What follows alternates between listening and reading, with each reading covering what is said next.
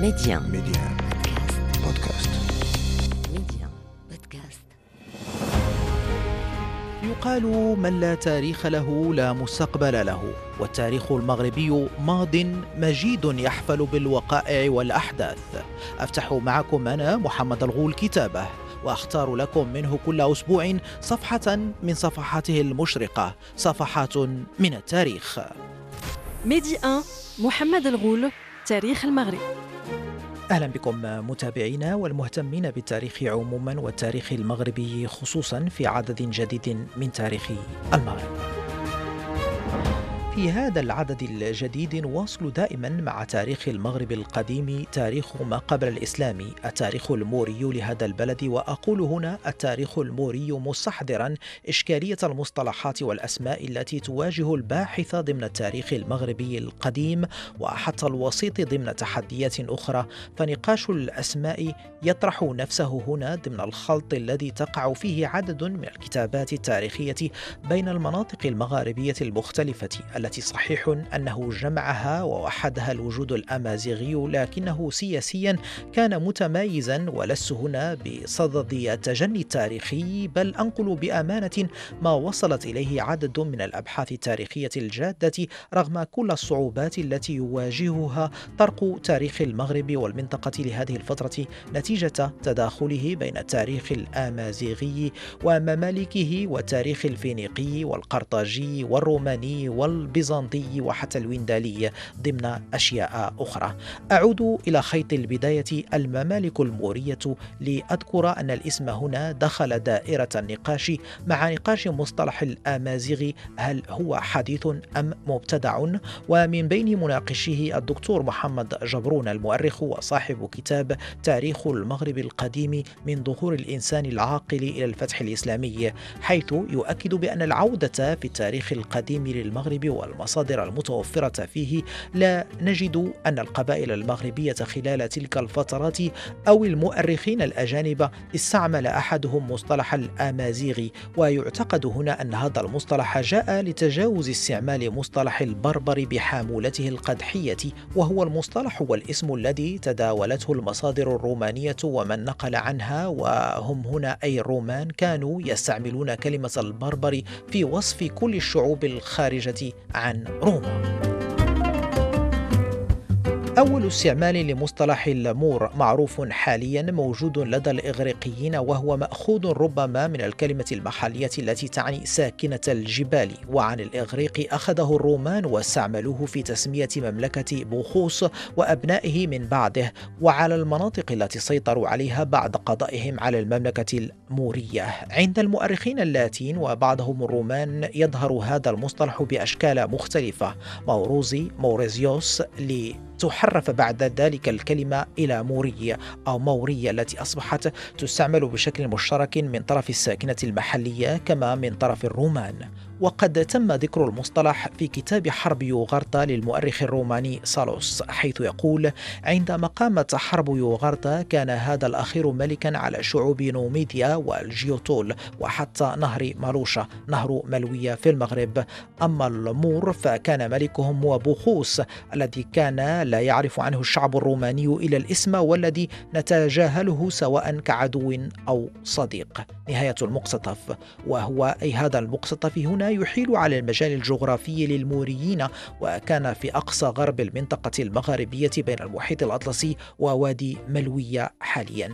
وإن كان هذا النطاق الجغرافي قد توسع خلال فترات تاريخية معينة إلى شرق وادي ملوية على حساب مملكة نوميديا التي كانت قائمة في هذه المنطقة خاصة بعد الحرب التي خاضتها مملكة نوميديا بقيادة يوغارتا ضد الرومان في القرن الثاني قبل الميلاد.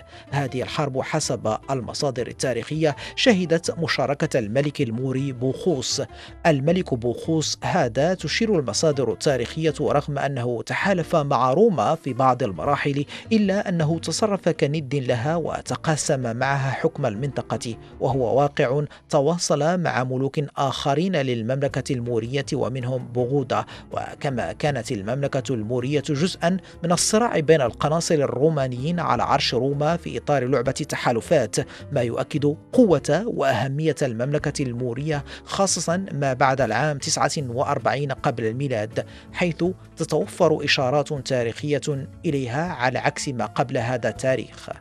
واستمرت المملكة قوية رغم صراعها مع روما حتى العام 42 للميلاد وضمن المصادر التاريخية المشيرة بوضوح إلى هذه المملكة المغربية القديمة الكاتب الروماني جوسان الذي أشار في كتاباته إلى أن حانون القرطاجي استنجد بملك الموريين آنذاك في ثورته ضد قرطاجة عندما حاول الاستيلاء على السلطة فيها.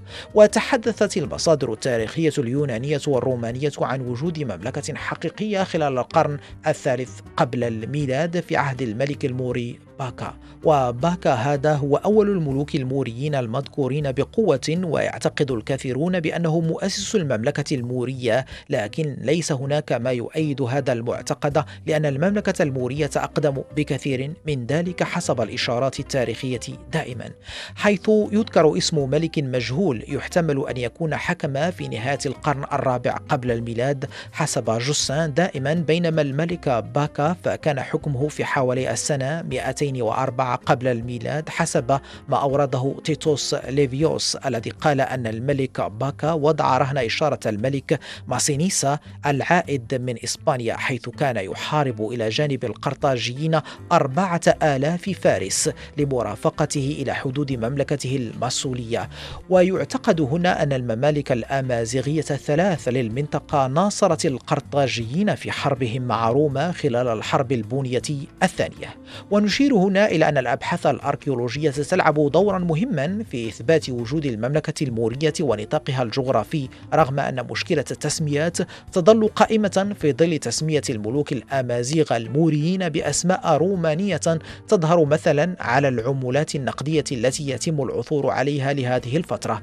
فالملك الموري الذي خلف بوخوس الأول وهو حسب اختلاف المصادر ماستينوسوس أو هو سوسوس أو هو كذلك ماشتينسا الذي يحتمل أنه تولى العرش المورية بعد وفاة بوخوس إلى حدود سنة 49 قبل الميلاد ويظهر اسمه منقوشا بالحرف البوني الجديد على النقود البرونزية وكذا باللاتينية على القطع الرصاصية التي عثر عليها بوليلي وهو يعتقد أنه والد بوخوس الثاني.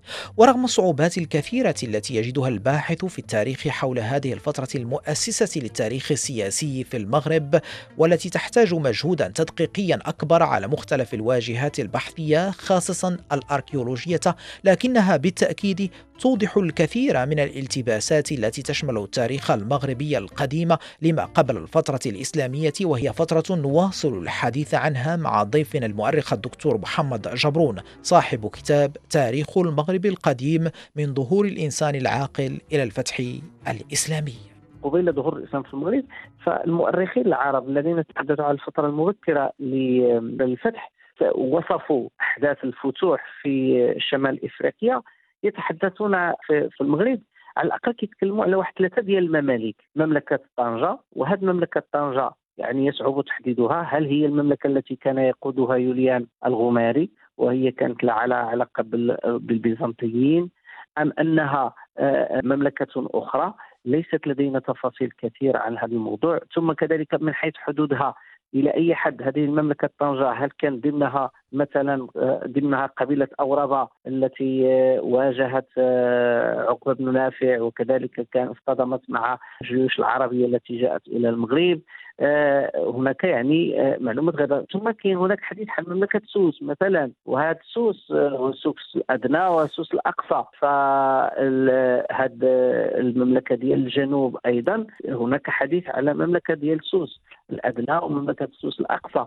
فاذا هناك حديث عن ممالك أمازيغية في هذه الفترة ولكن ليس آه، وهذا هو الخطأ اللي وقع فيه الكثيرون. ليس المقصود بها هو مملكة ماسينيسا ويوغورطا وذاك الممالك اللي كانت في أغلبها هذه كلها ما كانتش في المغرب. فالمملكه اللي كانت في المغرب هي المملكة المورية والتي استمرت إلى حدود من حوالي على الأقل 500 قبل الميلاد إلى حدود 42 ميلادية وتم القضاء عليها من طرف آه، الرومان.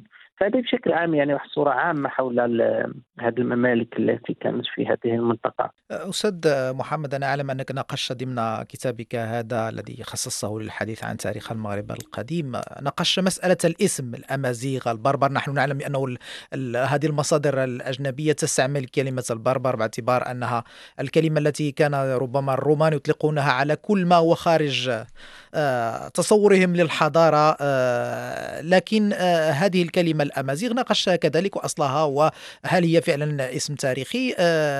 وهناك الاسم الآخر الموريون يعني أن المغاربة كانوا يسمون في ذلك الوقت الموريون. كيف ناقشت هذا الموضوع؟ نعلم الآن أننا نستعمل كلمة الأمازيغ باعتبار تجنب استعمال كلمة البربر لطبعها ربما القدحي. كيف ناقشت هذا الموضوع؟ وما هي المصادر التي ربما سمحت لك بمناقشة هذا الموضوع أستاذ محمد؟ أه، حقيقة أنا شخصيا أنا فوجئت أه، أه، يعني من خلال هذا العمل الذي أخذ مني وقتا وجهدا في التاريخ القديم فوجئت بالكثير من الحقائق المرتبطة بالتاريخ المغرب القديم والتي للأسف الشديد كثير من الناس يجهلونها وحلت محلها حقائق أخرى. أو على الأقل أصبحت كمقدسات وطابوهات منها هذه القضية ديال الاسم الذي يطلق على المغاربة بأن أقدم اسم وأن المغاربة كانوا يسمون أنفسهم في القديم بالأمازيغ. فمن خلال العملية ديال البحث واستقصاء دقيقة جدا وواسعة لم أجد هناك أدلة مقنعة تجعلنا يعني نقول باطمئنان بأن المغاربة القدامى كانوا يسمون أنفسهم على الأقل قبل العصر الوسيط قبل دخول الإسلام وقبل ظهور الكتابات العربية الإسلامية كانوا يسمون أنفسهم بالأمازيغ. وأن هناك تأويل على أي حال قام به البعض آه، انطلاقا من المصادر الإغريقية لبعض الألفاظ لقبائل كانت تسكن في آه، غرب آه، مصر وناحية واحه الواحة المصرية واحد سوا أذكر اسمه. واحد سوا نعم. واحد سوى وأن بعض الألفاظ التي كانت تطلق اطلقها الإغريق على هذا سكان هذه المناطق هي تعني وأولها على أساس انها هي هي هي التي تعني الأمازيغ ولكن انطلاقا من عملية القلب والاستبدال في الحروف وكذا ويبدو لي تاويلا بعيدا وغير مقنع لأنه ببساطة إذا كان هذا الاسم بهذه الشهرة وبهذا العمق فلماذا ستتجاهله المصادر؟ خاصة المصادر اللاتينية. مع العلم أن هذه المصادر اللاتينية ليس كما يصورها البعض كانت مصادر إيديولوجية متحاملة فالكثير منها فيها وصف للمناطق وذكر لأسمائها وجغرافيتها مع احترام للأسماء التي كانت يستعملها الأهالي. ومثلا وقفت على نص وطرح للشيخ بليد وهو أحد الجغارفة المعنيين بهذه الفترة وكتبوا عنها وكتبه مصدران لتاريخ المغرب في هذه المرحلة. يقول بأنه الأسماء التي اوردها للقبائل هي الأسماء التي كان يطلقها الأهالي على أنفسهم وليست من عندي. آه، بمعنى ليس اختراعا رومانيا أو اختراعا لاتينيا. وبالتالي فقضية الاسم من الناحية العلمية على أي حال يجب أن نتعامل معه بنوع من المرونه وأن لا نكون شوية متشنجين. إذا قلنا نسيء لتاريخنا الوطني إذا قلنا أسلافنا وأجدادنا المغاربة قبل ظهور الإسلام كانوا يسمون بأسماء مختلفة. هناك مثلا آه، على الأقل آه، آه، أسماء الزكرسيس مثل القبائل ديال الريف والمنطقة ديال الشمال كانوا الزكرسيس هذه هي الاسميه اللي كيذكروها كتذكرها المصادر الرومانية. قبيلة البكاوات في المغرب الشرقي قبيلة الاوطولوليس في جنوب مدينة سلا الجيتوليون الأثيوبيون هذه كلها أسماء ديال القبائل هناك أسماء أخرى على أي حال آه، تذكرها المصادر ولكن لا نجد بين هذه الأسماء اسم الأمازيغ فيعني من الأمور المثيرة للانتباه. آه، لكن هذا الاسم هذا أصبح آه، يعني حاضرا وبقوة من خلال المصادر العربية تحديدا. وهذه المصادر العربية التي وضعت له أصلا وشجرة آه، أشبه ما يكون بشجرة الأنساب التي آه، وجدت في الثقافة العربية وفي علم الأنساب عند العرب وهو الأمر الذي لم يكن موجودا آه، على أي حال في الثقافة القديمة. فلا نجد من من من تأصيل. أو هذا النوع من التاصيل للأسماء ولكنه هذا تقليد عربي. دخل إلى المغرب وأدخله المؤرخ العرب وهذا وجدنا إيه، بحال مازغ بن كذا إلى آخره حتى يصلون إلى أصل. إذا ربما آه، يبقى الاسم آه، الموريون أقرب إلى الواقع أنا في تقديري الشخصي الموريون ربما أنسب وأفضل اسم آه، من الناحيه العلمية. إذا كان آه، باعتبارها ربما المملكة الجامعة للقبائل المغربية خلال ذلك الفترة. وهي اللي مثلت المغاربه يعني قبل الاحتلال الروماني وكانت عندها واحد العدد ديال المعارك وعندها حضور ديالها قوي جدا. وانهارت تحت ضغط الرومان ولكنها بعد ذلك المغرب أصبح مجموعة القبائل متفرقه أو الممالك القبلية مثل هذه القبائل اللي ذكرنا قبل قليل مملكة سوس مملكة طنجة وغيرها من الممالك. ربما كان يسود خلال هذه الفترة ما بين القبائل الأمازيغية نظام الفيدرالية إذا أخذنا بعين الاعتبار ما قيل عن مملكة برغواطة بأنها كانت فيدرالية إذا اعتبرنا بين اتصال الزمني ربما كان كان يسود هناك هذا النظام الفيدرالي ما بين القبائل آه، الأمازيغية خلال هذه الفترة. صحيح. فالذي كان يحكم لم يكن يحكم آه، كما نتصور اليوم آه، هو من خلال واحد التحالف قبلي من خلال هذا واحد التعاقد قبلي وهذا التحالف قائم على القوة بالخصوص المادية والعشيرة ومن خلال كذلك الثروة.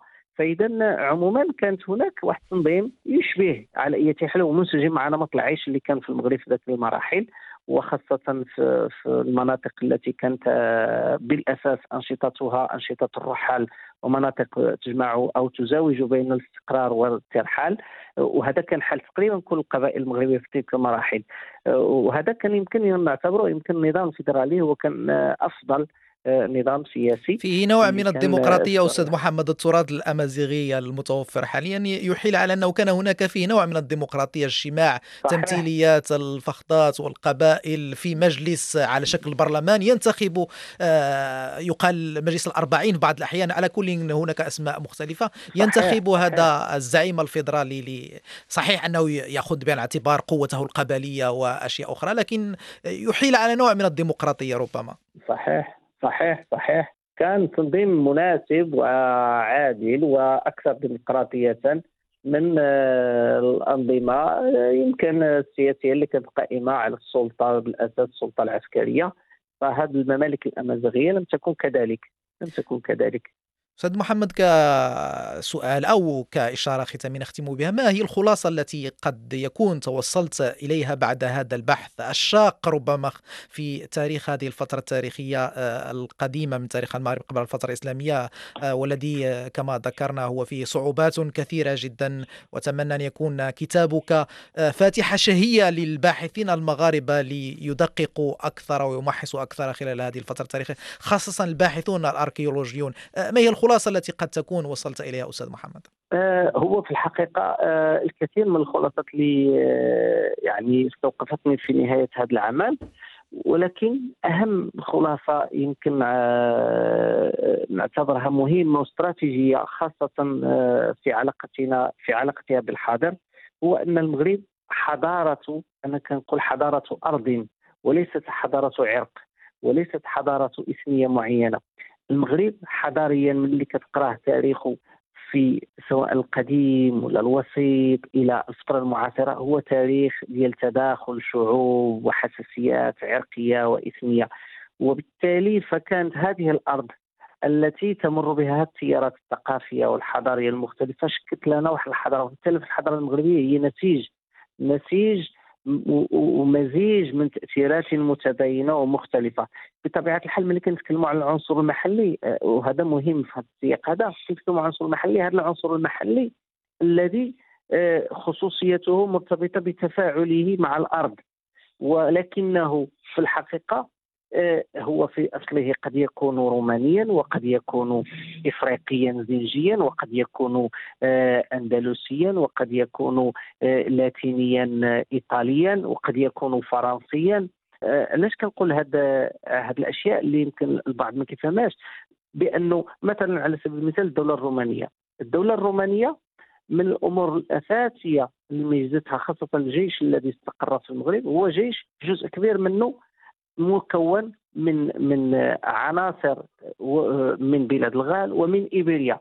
وهذو مشكلوا بين قوسين المستوطنات الكبيرة الرومانية التي كانت سواء في ليكسوس وليلي بعد مئات السنين بعد مرور 200 300 سنة. ما رجعوش لإيطاليا أو ما لم يرجعوا إلى فرنسا بلاد الغال ولا إلى إيبيريا. انصهروا واندمجوا في المغرب. ولهذا يمكن المورفولوجيا ديال الإنسان المغربي هي مورفولوجيا متنوعة مورفولوجيا مختلفة. نفس الشيء بالنسبة للوافد من الجنوب من إفريقيا. نفس الشيء بالنسبة للوافد من الشرق. نفس الشيء بالنسبة للإنسان المحلي المغربي أيضا الذي تحرك نحو الشمال نحو إيبيريا نحو بلاد الغال أه، حيث أن الرومان في الفترة الرومانية أه، وهذه كذلك من الأمور الطريفة أن الجيش الروماني استعان بالموريين. واستعان بالمغاربة للقضاء على الثورات وعلى بعض الصعوبات وللمشاركة في بعض المعارك التي كان يواجهها في في في بلاد الغال وخاصة في الحدود في في أوروبا حيث كانت الإمبراطورية الرومانية ممتدة. وهؤلاء الذين المغاربة الموريو الذين صعدوا إلى فرنسا واستقروا في في منطقة الدانوب هذو كلهم كذلك باش يرجعوا بقاو تما. وبالتالي فالمغرب عنده هذه الخصوصية هذه. وعنده هاد هاد هاد الطرافه في تاريخه واللي خصنا ناخذوها بعين الاعتبار اليوم. وبالتالي فمن الأمور الجميلة كذلك اللي حقيقة أنا هي حقيقة ثوريه هذه الازدواجية اللغوية اللي يمكن اليوم كثير واحد التشنج اللي كتلقاوها السير كتبان هي خصوصية محلية وخصنا نفتخروا بها أن المغرب ما عمره كان عنده لغة واحدة أو ما عنده كان عنده واحد النوع من الإنغلاق.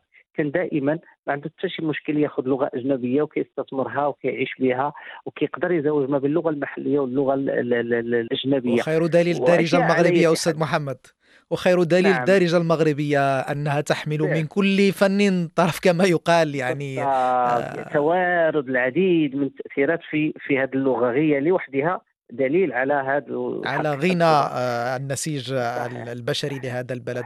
الدكتور محمد جبرون المؤرخ والباحث شكرا جزيلا لك على مشاركتك القيمة وسعة صدرك معنا في فك ما أمكن من ألغاز هذه الفترة التاريخية المهمة من تاريخ المغرب. شكرا لك الأستاذ محمد وأنا سعيد بالحضور معك والشكر من خلالك لمستمعي إذاعة ميديا متابعينا الكرام أذكركم أنه يمكنكم العودة لمتابعة كل الأعداد السابقة من تاريخ المغرب عبر تحميل تطبيق ميد أن بودكاست. عبره حصريا تجدون أعدادا تهم كل هذه الفترات التاريخية المهمة من تاريخ المغرب. وتحميل التطبيق هو بنفس الطريقة المعروفة لتحميل التطبيقات على الهواتف الذكية كما يمكن الوصول إلى التطبيق تطبيق ميديا أن بودكاست على أجهزة الحاسوب على شبكة الإنترنت بطبيعة الحال. ميدي 1 محمد الغول تاريخ المغرب.